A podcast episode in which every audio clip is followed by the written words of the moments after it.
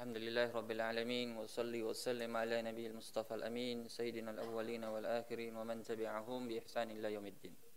Amma ba'du ayuhal ahibatil kiram A'azakumullahu jami'ah. Alhamdulillah kita pada pertemuan kali ini kita kembali melanjutkan kajian rutin kita. Kita hadis Arba'in Nawawi dan kita telah selesai pada pertemuan lalu hadis yang ke-10. Sekarang insya Allah kita akan masuk ke hadis yang ke-11. Ya, silakan yang mau merojaah. Ya. Menyetor hafalan hadisnya. Silakan. Bismillah. Ahsanallahu ilaikum.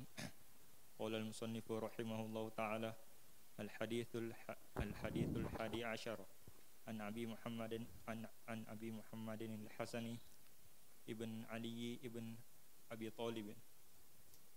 Sibti Rasulullah sallallahu alaihi wasallam wa raihanatihi radhiyallahu anhuma qala hafidtu min Rasulillah sallallahu alaihi wasallam. Da ma yari da ma yaribuka ila ma la yaribuka. Rawahu Tirmidzi wa Nasa'i. Wa qala Tirmidzi hadithun hasanun sahihun. Barakallahu. Antum mau parfum? Tidak mau? Mau aja. Insyaallah. Silakan. Tafadhol.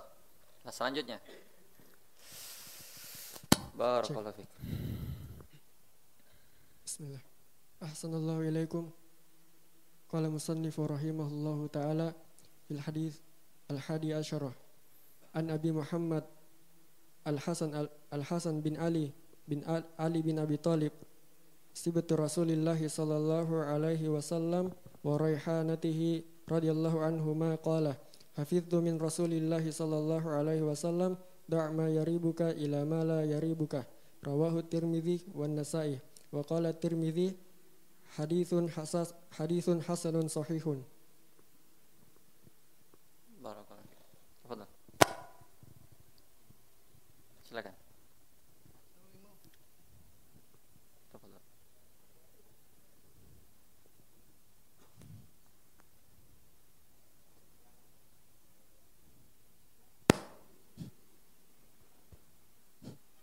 Bismillah.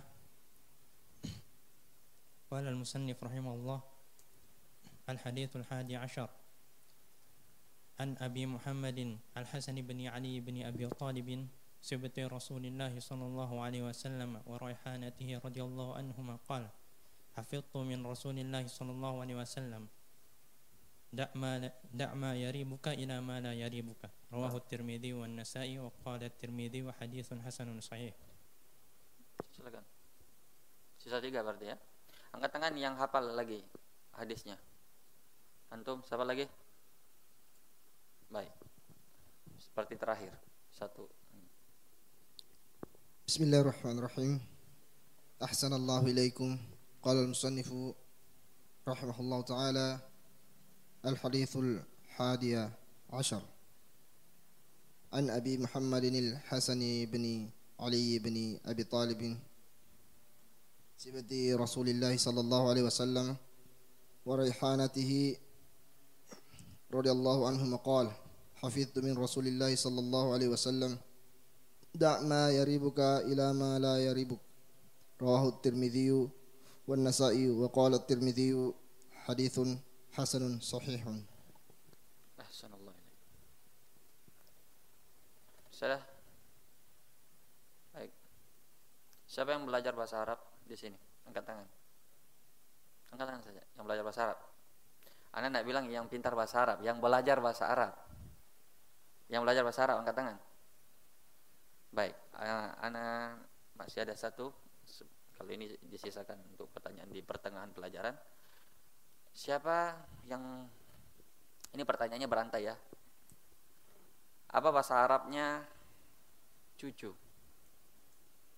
Hmm.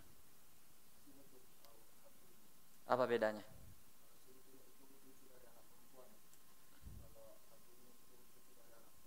Barakallahu fiik. Ahsanallah ilaik. Jazakallah khair. Jadi itu bedanya ya. Cucu itu sangat detailnya itu bahasa Arab. Kalau sibet ini hadis memakai kata sibtun. itu artinya cucu juga sama dengan hafid hafid juga cucu cuma perbedaannya kalau sibet itu anak dari atau cucu, anak dari anak perempuan. Kalau hafid itu anak dari anak laki-laki. Baik.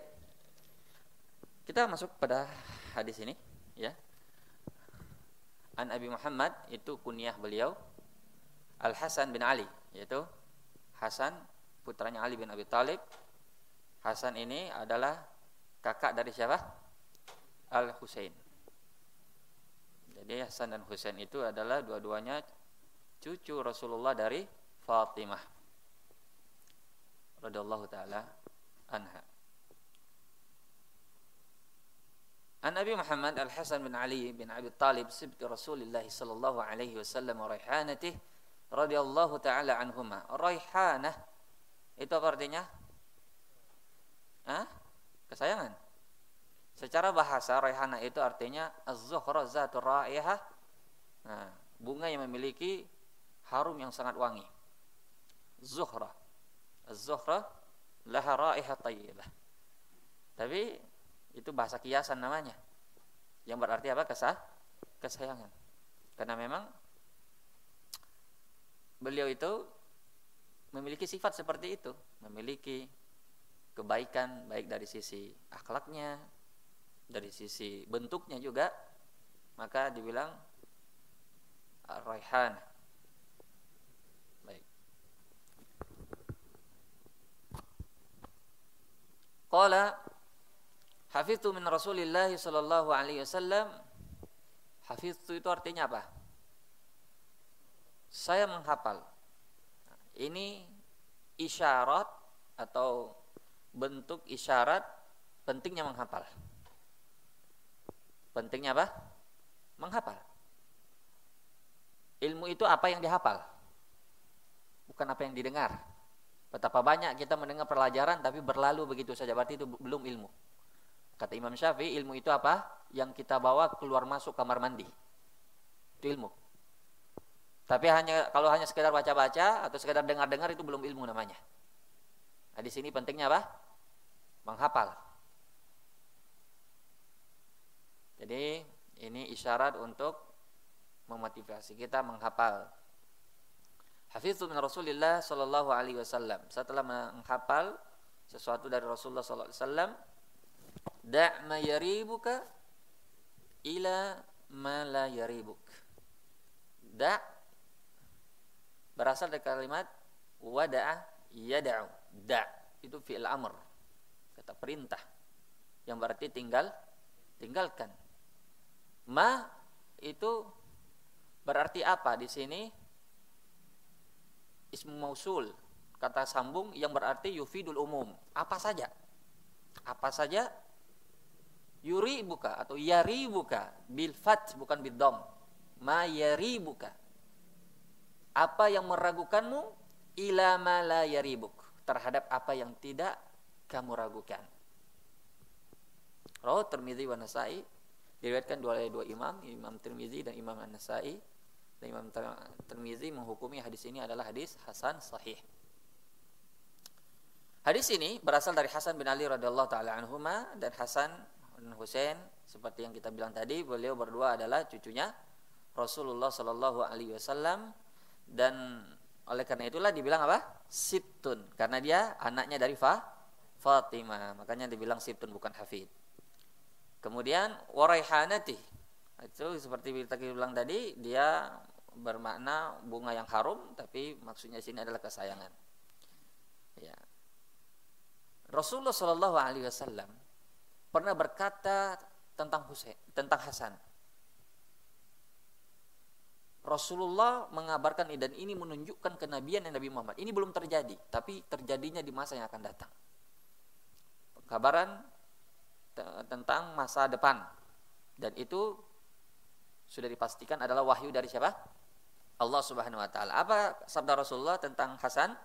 Inna inna ibni hadza sayyid. Sesungguhnya anakku ini adalah sayyid. Orang Arab mengitlakkan kalimat anak juga untuk cucu. Sebagaimana bapak diitlakkan dengan kata paman, sebagaimana juga anak diitlakan dengan kalimat ponakan. Itu hal yang biasa dalam bahasa Arab. Inna ibni hadza sayyidun. Sesungguhnya cucuku ini adalah sayyid. Sayyid itu artinya pemimpin. Wa sayuslihullahu bihi baina ta'ifataini minal mu'minin. Dan Allah akan mendamaikan karenanya dua kelompok besar dari kaum muslimin yang bersengketa, yang berperang. Ini pengkabaran Rasulullah waktu Hasan masih kecil. Belum terjadi. Dan itu terjadi sebagaimana yang yang dikabarkan oleh Rasulullah. Ketika terjadi peperangan antara dua kelompok besar antara pengikutnya Ali radhiyallahu taalaan yaitu bapaknya Hasan dengan pengikutnya siapa? Muawiyah bin Abi Sofyan. Dan ada dua perang besar yang terjadi antara mereka berdua. Yaitu perang apa? Perang Siffin dan perang Jamal, perang ontah. Dan dua-duanya ini sebenarnya dimenangkan oleh Ali. Disebabkan apa? Ini bermula dari terbunuhnya Uthman bin Affan. Uthman bin Affan ini berkeluarga dengan Muawiyah bin Abi Sofyan sehingga Muawiyah menuntut darahnya Uthman. Sehingga terjadilah fitnah. Dan fitnahnya terbunuhnya Uthman terjadi sampai hari ini dan sampai hari kiamat. Di situlah mula terjadinya fitnah antara kaum muslimin. Sehingga apa perannya Hasan dalam fitnah besar ini? Hasan ketika Ali meninggal dibunuh oleh siapa? Siapa pembunuhnya Ali? Ah, siapa pembunuhnya Ali?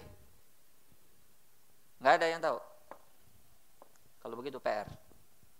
Nanti dicari. Setelah Ali meninggal, dibunuh setelah pada saat sholat subuh oleh Hah? siapa? Siapa? Hasan. Barakallahu fiik. Ta'al. Barakallahu fiik. Barakallahu fiik. Kemudian dia barakallahu. Dia dibaiat oleh kaum muslimin yaitu Hasan. Setelah itu masih terjadi peperangan. Terjadi luar biasa, perpecahan yang sangat luar biasa. Bahkan kelompoknya Muawiyah, pendukungnya Muawiyah mencela Ali dan keluarganya di mana-mana. Sehingga tidak ada perdamaian antara kaum muslimin. Sehingga apa yang terjadi?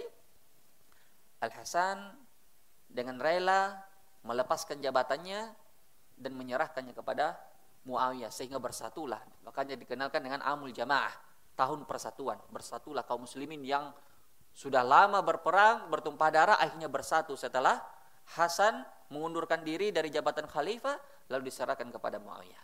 Ini yang dimaksud oleh Nabi Shallallahu Alaihi Wasallam bahwasanya cucuku ini adalah sayyid pemimpin dan dia akan mendamaikan dua kelompok besar yaitu pendukungnya Muawiyah dan pendukungnya Ali sehingga kaum muslimin bersatu. Dan maukifnya Ahlussunnah wal Jamaah terhadap peperangan antara kedua ini adalah as-sukut.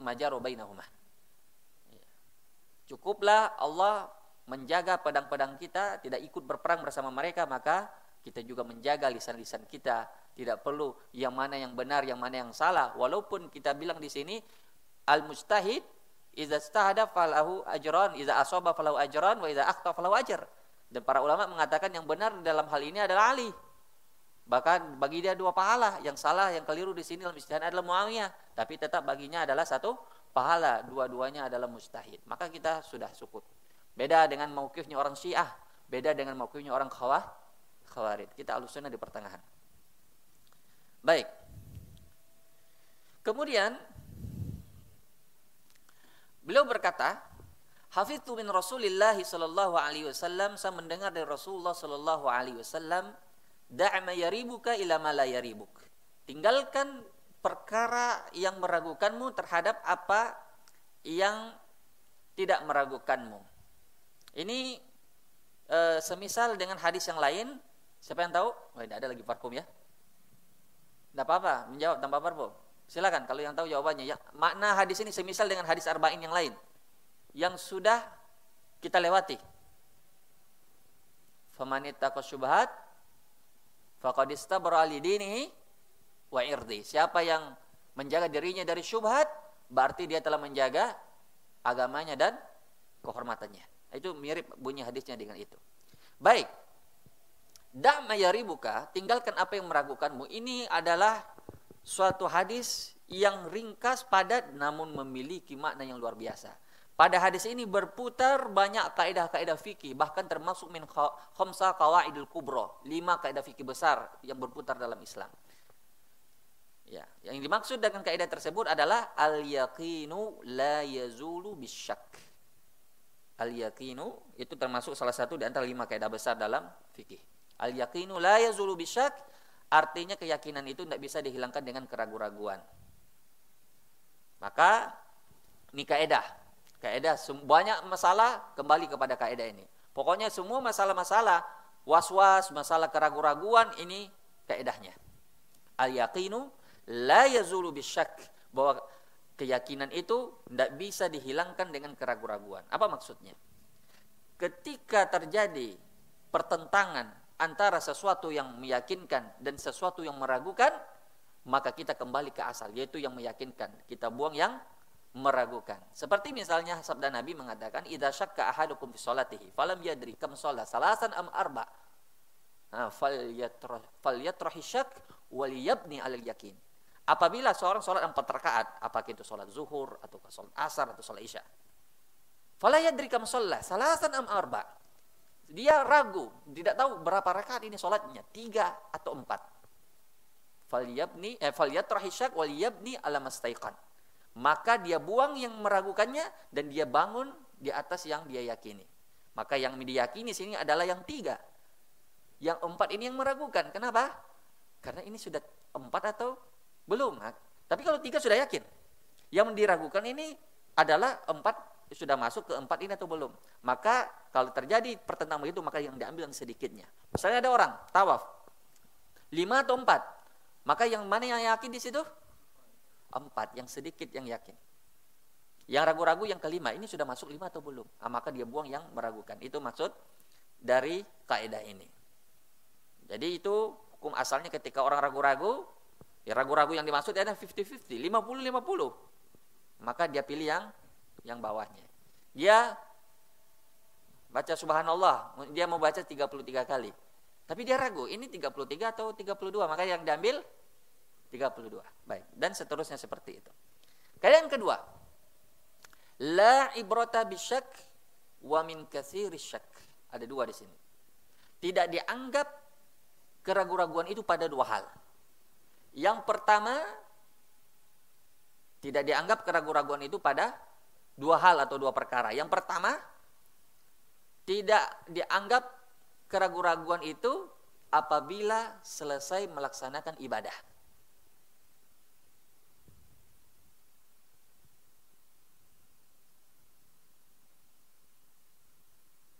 Yang kedua, tidak dianggap keraguan-raguan itu apabila berasal dari orang yang punya penyakit was-was.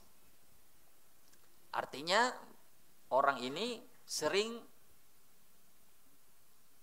ragu, sering tertimpa was-was. Maka itu keraguan-raguannya itu adalah penyakit sehingga tidak dianggap. Maka kedua keadaan ini keraguan-raguan itu tidak dianggap secara mutlak. Jadi tidak perlu dianggap itu keraguan. Wujuduhu keadami. Ada dengan tidak adanya sama saja. Jangan dihiraukan. Maksudnya seperti itu. Maka keadaan yang pertama misal. Seorang selesai sholat. Lalu selesai dia salam, datang was-was. Tadi waktu saya sholat, itu tiga atau empat tadi itu. Maghrib saya kerja ya. Misalnya dia sholat sendiri. Kalau sholat berjamaah oke okay lah. Dia berpatokan ke imam. Tapi ketika dia sholat sendiri misalnya. Selesai salam, tiba-tiba datang was-was. Tadi saya selesai salat, itu sudah tiga, atau tadi empat malah saya kerjakan. Atau tadi saya baca zikir, atau tidak, kepada saat ruku. Dan seterusnya, banyak sekali was-was macamnya. Ribuan. Kalau mau dihitung was-was satu persatu, banyak sekali. Maka, setelah dia selesai salat, tidak perlu media pedulikan. Kenapa bisa begitu? Karena tidak dianggap was-was apabila selesai dari ibadah. Selesai wudhu, Datang was-was. Tadi saya kentut apa tidak? Tidak usah dianggap itu. Tidak usah dianggap. Itu was-wasnya syaitan. Sebab kalau dengar itu was-was, tidak akan ada ujungnya. Tidak akan pernah selesai itu was-was. Kalau kita benarkan satu kali saja sudah masuk kita dalam perangkapnya setan. Makanya di antara lataif para ulama ketika datang was-was seperti itu disuruh kasih bukti. Mana buktinya kalau saya kentut misalnya? Iya, dia dia bisiki itu hatinya. Kalau dia dengar setan membisikinya, bahwa kamu tadi kentut. Terus dia bilang apa? Dia jawab mana buktinya? Supaya apa? Dia yakinkan dirinya bahwa dia tidak kentut. Sudah, itu was-was. Kapan itu dianggap? Nah ini perlu kaidah baru. Kita tahu kaidah baru, al yakinu la yazulu illa bil yakin. Al yakinu la yazulu illa bil yakin. Sesuatu was-was itu tidak dianggap kecuali dengan keyakinan juga. Kalau dengan keraguan-raguan itu tidak dianggap. Misal, seperti yang terjadi pada Nabi. Nabi pernah sholat zuhur dua rakaat. Dan Nabi merasa yakin bahwa dia sholatnya empat rakaat. Maka ketika Zulyadain mengingkari bahwa Nabi itu sholatnya dua rakaat, ya, Nabi bilang tidak. Tidak sholat tidak dikosor dan tidak pula eh, diperpendek atau semakna dengan itu. Artinya Nabi tidak menerima ini alasan Zuljaden. Lalu datanglah ditanyakan kepada Abu Bakar dan Abu Bakar membenarkan dan datang ke Umar, Umar pun membenarkan benar wahai Rasulullah engkau tadi sholat zuhur dua rakaat. Barulah Rasulullah menambah lagi dua rakaat. Nah, itu namanya al yakinul yazulu illa bil yakin. Jadi itu kaidahnya. Kapan seseorang itu bisa menerima itu bisikan atau menerima itu e, misalnya keraguan-raguan kalau dia datang dengan bukti hujah dan keyakinan. Baik. Kemudian ini juga sering terjadi pada sebagian ikhwah yang tertimpa was-was. Banyak sekali. Ada orang masuk kamar mandi, bolak-balik. Setiap selesai mau wudhu, datang keluar angin lagi sedikit, batal lagi. Masuk lagi kamar mandi, wudhu lagi. Sebentar sudah selesai wudhu, dia merasa keluar lagi anginnya. Akhir orang selesai sholat dia masih mondar-mandir ke kamar mandi. Maka obatnya orang ini baca kitab satu Lahfan mim di syaitan. Karangan siapa itu? Ibnul Qayyim Al-Jauzi. Di situ banyak sekali disebutkan kisah-kisah orang yang tertimpa ini penyakit was-was. Dengan berbagai macam bentuknya dalam bab toharo, dalam bab akidah, macam-macam. Kalau bukanlah Ibnu Qayyim yang cerita ini tentang kisah ini mungkin kita tidak percaya, tapi kita percaya Imam Ibnu Qayyim Imam Shadiq.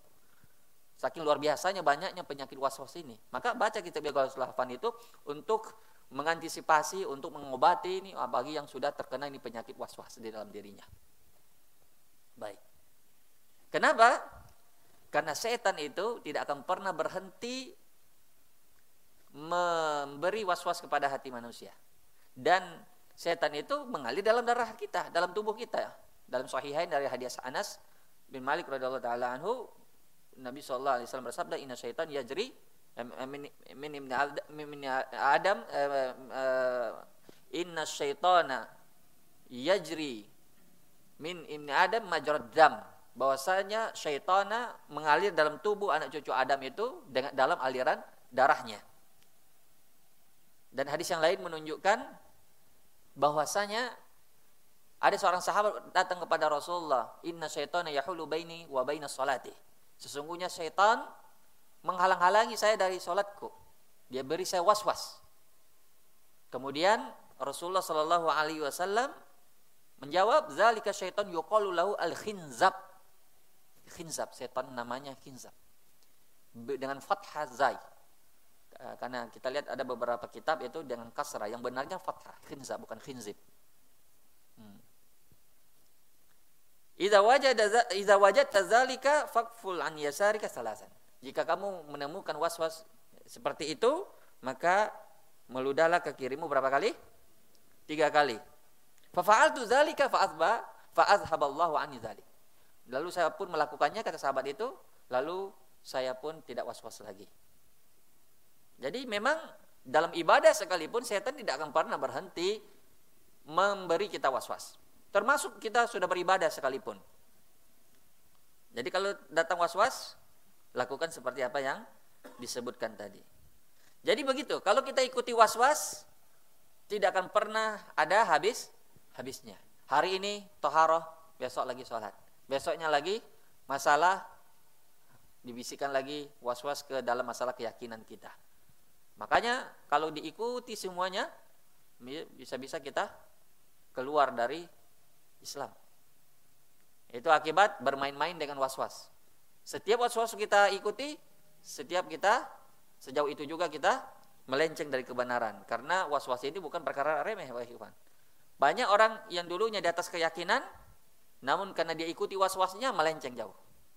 Dan itu memang cara setan yang paling ampuh untuk menggelincirkan manusia karena dia langsung berkaitan dengan hawa nafsunya. Makanya di sini Nabi meminta kita untuk berlindung dari dari Allah dari was-was tersebut. Kemudian berikutnya karena waktu kita sudah ini. Poin yang kedua dari hadis ini, dak mayari buka ila mayari buka. Jika kita melihat seseorang yang terkena penyakit was-was, maka jangan beri dia fatwa sesuai dengan was-wasnya. Jika kita melihat ada orang yang sering terkena penyakit was-was, jangan lalu diberi fatwa sesuai dengan apa yang dia ragu-ragukan. Tadi kita bilang, kalau ada orang ragu antara eh, sholat zuhur antara tiga dan empat, maka yang diambil tiga. Itu bagi orang yang ragu, itu normal. Tapi beda halnya dengan orang terkena penyakit was-was. Kalau ada orang datang kepada seorang ustadz, lalu dia bilang, Ustadz, tadi saya sholat, tapi saya tidak tahu sholat saya itu tiga atau empat. Sholat zuhur saya tadi tiga atau empat. Dan Ustadz ini melihat orang yang bertanya ini sering sekali bertanya tentang masalah itu. Artinya sudah tertimpa penyakit was-was. Kira-kira jawaban yang benar yang harusnya dijawab oleh seorang Ustadz itu jawabannya tiga apa empat?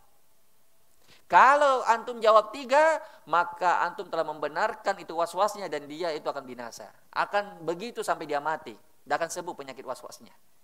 Mestinya yang dijawab adalah empat. Sehingga dia sudah, oh ternyata sudah betul apa yang saya lakukan. Selesai. Habis itu was-wasnya.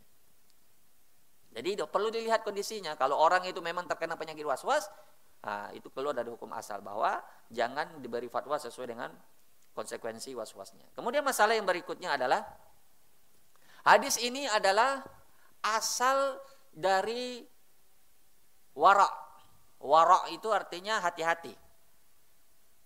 Warak artinya hati-hati. Inilah hadis yang berkaitan. Dak mayari buka. Semua yang kita ragukan tinggalkan. Yang yakin-yakin saja dilakukan yang diambil, yang dimakan, yang dikerjakan, semuanya yang yakin-yakin saja. Tidak ada subhat di dalamnya, tidak ada keraguan-raguan di dalamnya.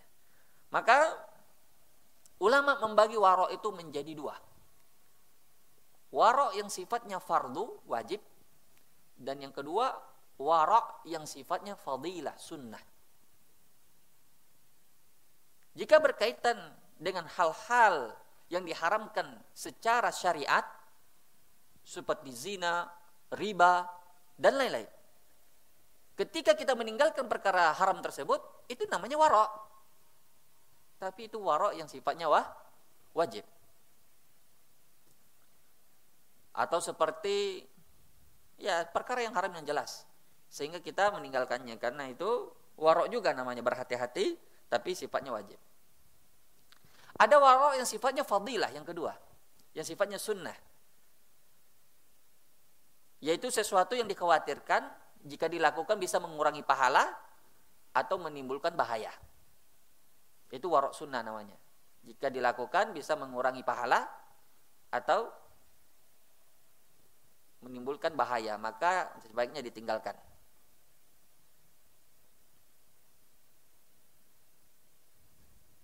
Seperti misalnya hukum cadar bagi wanita. Betul tidak? ulama beda pendapat atau ulama sepakat bahwa hukumnya wajib? Beda pendapat antara wajib dan sunnah apa wajib dan bid'ah? Banyak juga yang mengatakan nah, orang tapi bukan kita yang mengatakannya, ada yang mengatakan begitu. Dan itu jelas tidak ada ulama yang berpendapat dengan pendapat demikian bahwa cadar itu adalah beda. Jadi ulama beda pendapat antara wajib dan sunnah. Sekarang warok fadilahnya seperti apa? Yang yang sempurna pahalanya pakai cadar atau tidak? Pakai. Kenapa bisa? Kan kalau kita bilang sunnah berarti apa definisinya? Kalau dikerjakan berpahala, kalau ditinggalkan rugi ya. Ditinggalkan rugi, betul tidak? Kalau seandainya kita tinggalkan sesuatu berpahala ini rugi apa untung kita? Rugi. Itu definisi baru dari saya barangkali. Definisi ahli fikihnya adalah sunnah itu di, dikerjakan berpahala dan ditinggalkan tidak tidak mendapat dosa. Karena ada lawan dari sunnah itu. Maka kita katakan bentuk warok fadilahnya adalah dengan dia bercadar. Kenapa? Minimal dia takut berkurang pahalanya. Sebab kalau dia membuka mukanya, kalau dengan dia meyakini tidak wajib, tetap hukumnya adalah sunnah. Apabila dia melakukan, dia dapat pahala. Tapi kalau dia tidak bercadar, dia tidak dapat tidak dapat pahala. Ini namanya warok sunnah. Tetap dia lakukan. Makanya akan datang setelah itu kaidah berikutnya. Ada titik temu antara ulama yang mengatakan cadar itu wajib dengan yang mengatakan cadar itu hukumnya sun. Titik temunya di mana? Bahwa cadar itu sama-sama perintah Perintah hanya saja ada perintah sifatnya tegas apabila tinggalkan berdosa, ada yang mengatakan perintah juga tapi sifatnya tidak tegas. Tapi titik temunya di mana? Sama-sama dilakukan. Yang namanya perintah dilakukan apa ditinggalkan? Yang namanya perintah itu dilakukan, bukan ditinggalkan. Itu titik temunya. Nah, akan datang kaidah berikutnya bahwa fi'lu mattafaqa alaihi ulama aula mimman farada bihi ahaduhuma mahma amkan. Mengerjakan pendapat yang disepakati oleh ulama itu lebih afdal daripada mengerjakan pendapat yang diperselisihkan oleh para ulama. Saya ulangi. Melakukan pendapat atau mengamalkan pendapat yang disepakati lebih bagus daripada yang diperselisihkan. Atau ungkapan lainnya ahlul fikih khuruju minal khilaf afdal atau mustahab keluar dari masalah khilafiyah adalah sesuatu yang sunnah. Jadi cari yang disepakati oleh para ulama. Contohnya seperti yang kita sebutkan tadi. Cadar, ulama beda pendapat. Ada yang mengatakan wajib, ada yang mengatakan sunnah. Tapi semua mereka sepakat bahwa cadar itu diperin, diperintahkan. Maka mengerjakannya itu lebih afdal. Terlepas dia wajib atau sunnah. Rokok. Haram atau makruh? Ada yang mengatakan makruh juga. Antum pendapat antum haram apa makruh ini? Wah, antum hambali semua barangkali. Syafi'i mengatakan makruh. Tapi karohatu at-tahrim. Karohatu tahrim. Intinya katakanlah, katakanlah bahwa ada ulama yang mengatakan mak makruh. Titik temu antara haram dan makruh apa? larangan. Sama-sama larangan. Hanya saja kalau haram sifat larangannya adalah tegas, ada hukuman di belakangnya. Namun kalau makruh tidak ada hukuman di belakangnya. Hanya saja seorang muslim yang namanya larangan ya ditinggalkan. Jadi tidak perlu lagi ngeyel-ngeyel. Ah, rokok makruh hukumnya. Itu larangan apa bukan? Diperintah merokok apa dilarang? Ya dilarang. Terlepas dia haram atau makruh. Ya dilarang, ditinggalkan. Jadi gampang sekali membantai itu orang yang ngeyel-ngeyel itu. Kalau ada juga ulama yang mengatakan makruh, ya makruh, makruh itu artinya apa? Dilarang tuh? Ya dilarang berarti ditinggalkan, bukan dikerjakan. Ini masalahnya kita sekarang ini, kebanyakan kaum muslimin, semoga Allah memberi petunjuk. Kalau makruh berarti boleh dikerjakan. Kalau sunnah berarti boleh di ini kebalikan dari salaf. Salaf itu sunnah berarti mereka berlomba-lomba mengerjakannya. Kalau makruh mereka berlomba-lomba meninggalkannya. Kalau kita hari ini sunnah berarti boleh ditinggalkan, sunnah ji. Kalau makruh berarti boleh dikerjakan ke makruh, tidak haram ji. Itulah terbaliknya pemahaman kita karena rusaknya, rusaknya agama oleh orang-orang yang merusaknya. Azan apa belum ini? Hah? Berapa menit lagi azan? Hah? Muazin? Berapa menit lagi?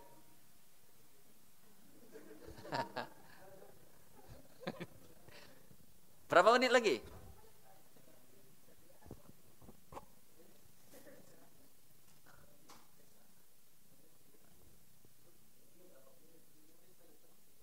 Tujuh menit.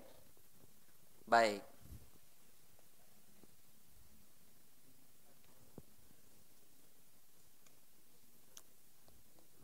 Tujuh menit lagi. Sampai sini jelas? Ada pertanyaan? Ada pertanyaan tidak? Silakan.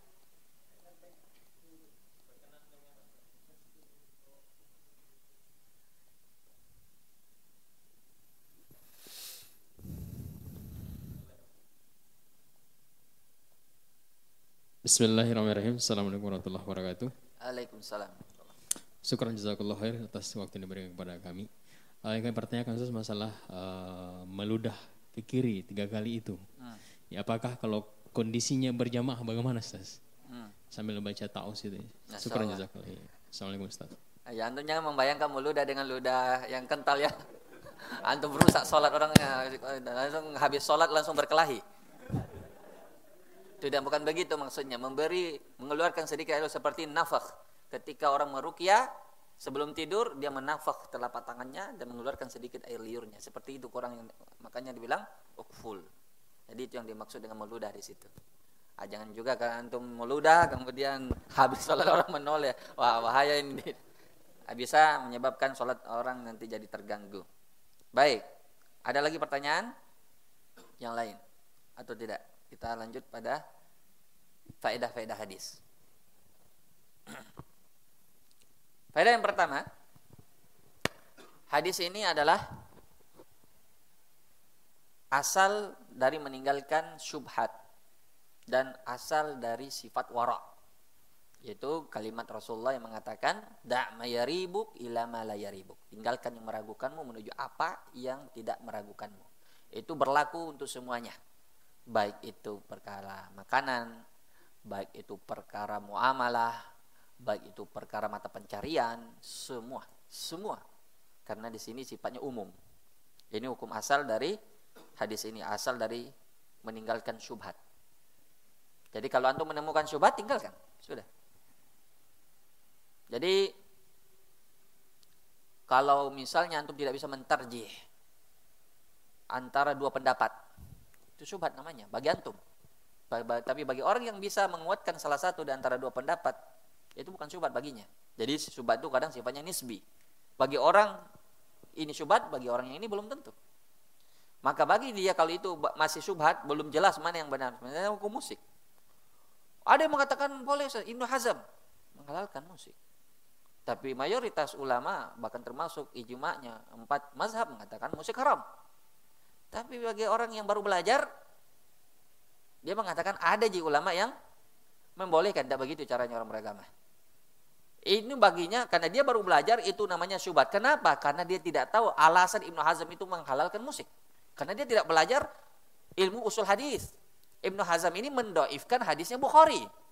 Dan itu dibantah habis oleh para ulama dari masa ke masa.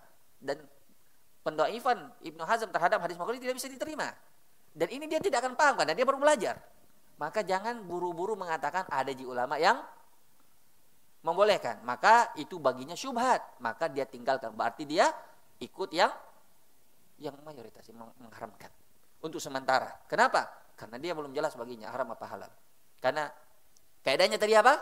Apabila bertentangan antara yang halal dan yang haram, maka termasuk perbuatan warok meninggalkannya apa mengerjakannya? Meninggalkannya meninggalkannya. Apabila bertentangan antara mubah dengan makruh, maka bentuk sifat warok mengerjakannya apa meninggalkannya? Hah? Meninggalkannya. Sampai jelas baginya itu hukum. Baik. Kemudian yang kedua, perkara yang halal, yang murni, itu tidak boleh ditinggalkan dengan alasan wara yang tidak ada keraguan padanya. Perkara halal yang murni tidak boleh ditinggalkan dengan alasan wara, dengan alasan wara. Kenapa? Karena Allah menghalalkan itu perkara yang halal. Seperti tiga orang yang datang kepada kepada istri Nabi. Yang satu mengatakan, saya akan sholat malam dan tidak akan tidur. Yang satu mengatakan, saya puasa tidak berbuka. Yang satu, saya tidak akan makan daging. Yang lain, saya satu, saya akan menjomblo terus. Tidak mau menikah. Terus didengar oleh Nabi. Nabi mengatakan, ini atkokum. Saya adalah orang bertakwa di antara kalian. Tapi saya menikah, saya sholat dan saya tidur, saya puasa dan saya berbuka, menerogi bahan sunnati falaysa minni. Siapa yang tidak suka sunnahku maka bukan bagian dariku. Maka perkara yang halal tidak boleh ditinggalkan dengan alasan waro. Jangan dibilang, "Wih, hebatnya tahu anu puasa terus king tidak berbuka-buka." Itu bukan hebat namanya. Iya, bukan hebat itu namanya. Apa namanya itu? Baik. Jadi perkara halal itu boleh kita nikmati. Kemudian, faedah hadis yang ketiga. Ini hadis mendidik kaum muslimin untuk meninggalkan tempat-tempat yang syubhat. Tempat-tempat yang membuat dia tertuduh. Ini hadis mendidik kaum muslimin untuk meninggalkan semua tempat-tempat yang membuat dia tertuduh baik kehormatannya maupun agamanya. Tempat yang membuat orang tertuduh misalnya seperti apa? Kalau dia duduk-duduk di tempat itu bisa dia tertuduh. Seperti apa contohnya? Duduk-duduk di warkop tertuduh tidak itu kira-kira? Ah, ah, ah, duduk-duduk di warkop bisa saja dia tertuduh kalau rata-rata orang yang duduk di situ perokok semua. Dia sendiri yang tidak perokok, dia bisa tertuduh. Ya. Duduk-duduk di tempat-tempat yang banyak perkara haramnya walaupun dia tidak melakukannya dia bisa tertuduh dan seterusnya. Maka ini hadis me, me, me, mendidik kita untuk kita berhati-hati walaupun eh, sesuatu itu tidak kita lakukan tapi kita tetap harus menghindarinya. Makanya ketika Nabi mengantar istrinya Sofia dari e, beliau ke saat itu dalam keadaan itikaf mengantarkan Sofia ke rumahnya lalu lewatlah dua orang Ansar.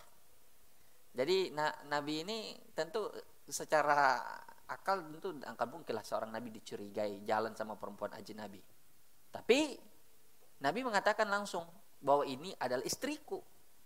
Supaya apa? supaya dua orang ini tidak nanti bisik-bisik di belakang eh, itu Nabi tadi jalan-jalan sama perempuan sama siapa itu ah, muncul nih lagi gosip kan jadi anda harus perjelas. Kalau ada sesuatu yang memungkinkan timbulnya e, tuduhan diperjelas. Sebagaimana yang dilakukan oleh Nabi. Inilah dasar hadisnya. Ya. baik berikut.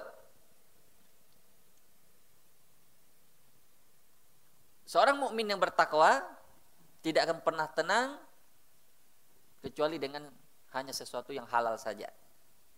Dia tidak mau mencoba-coba sesuatu yang haram atau yang ada syubhatnya. Baik itu makanan maupun mata pencarian dan sebagainya.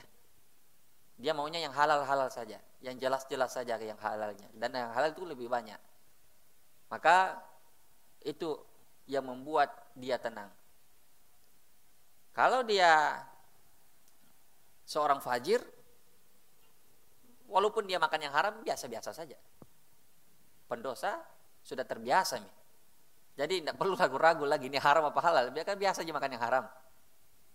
Biasa aja makan yang syubhat. Jadi ketika kita dapatkan diri kita ragu terhadap sesuatu, apakah itu pencarian atau itu makanan, berarti kita masih seorang mukmin.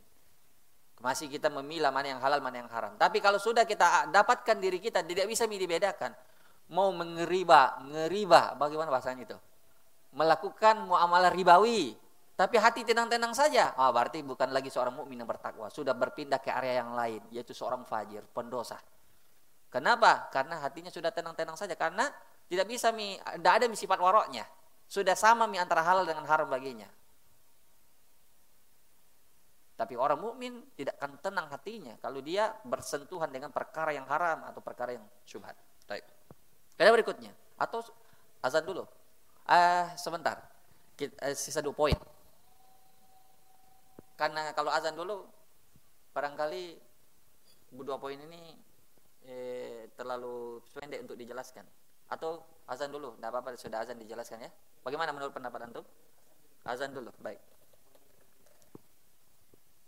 Baik. Pada berikutnya yang berapa antum catat? Yang pada yang berapa? Yang kelima. Baik.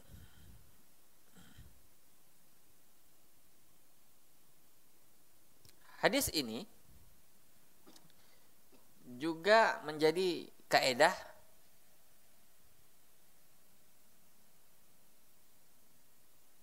bagi seseorang yang dihadapkan pada dua pilihan.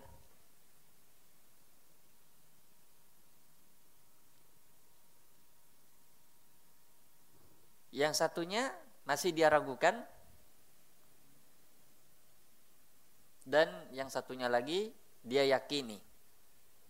Maka yang harusnya dia lakukan adalah memilih yang dia yakini. Ada berikutnya. Hadis ini adalah pelengkap dari hadis Nu'man bin Bashir Innal halal bayyin wa, wa innal harama bayyin wa bainahuma umur mustabihat. Itu pelengkap ini hadis. Bahwasanya siapa yang terjatuh siapa yang terjatuh pada keraguan-raguan maka dia persis seperti pengembala yang mengembala di area larangan.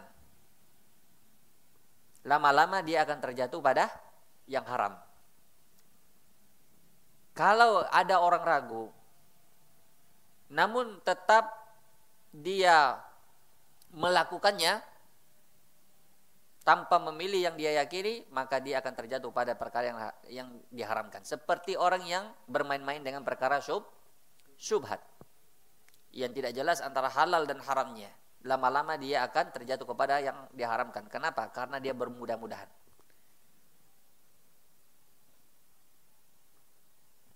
Itu titik persamaannya.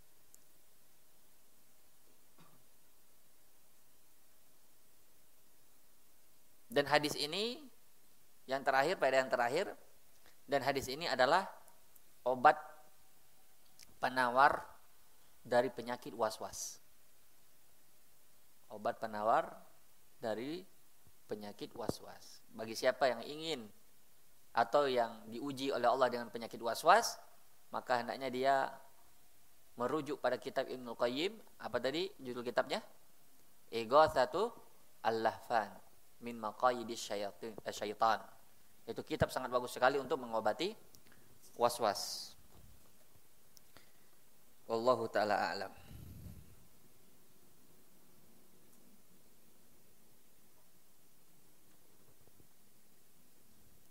Ada pertanyaan? berkaitan dengan materi atau bukan? Silahkan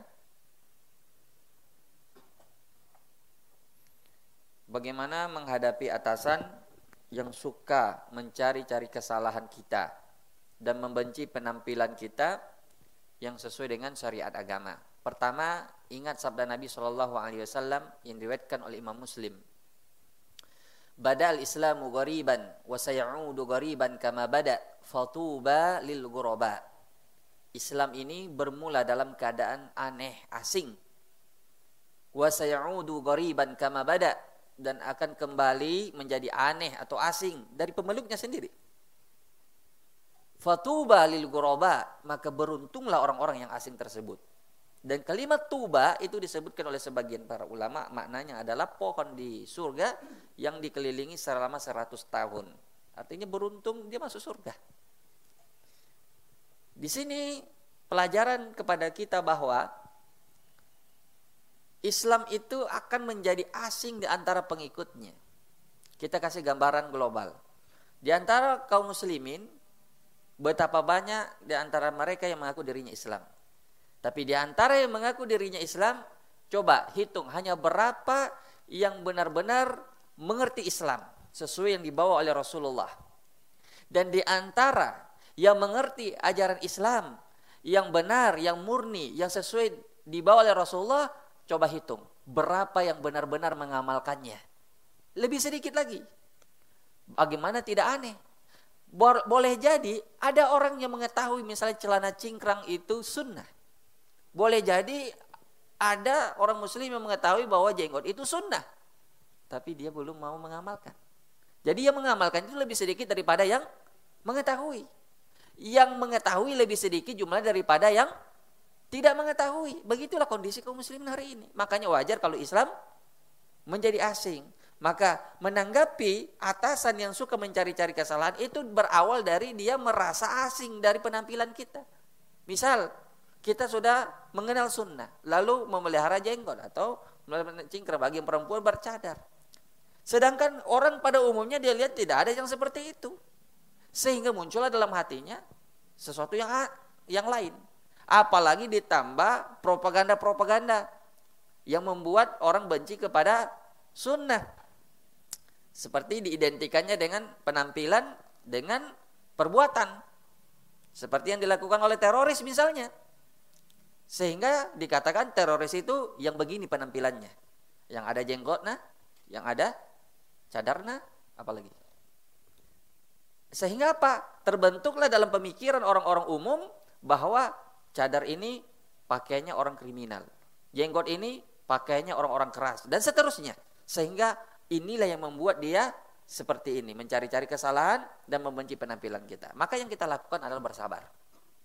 Bersabar.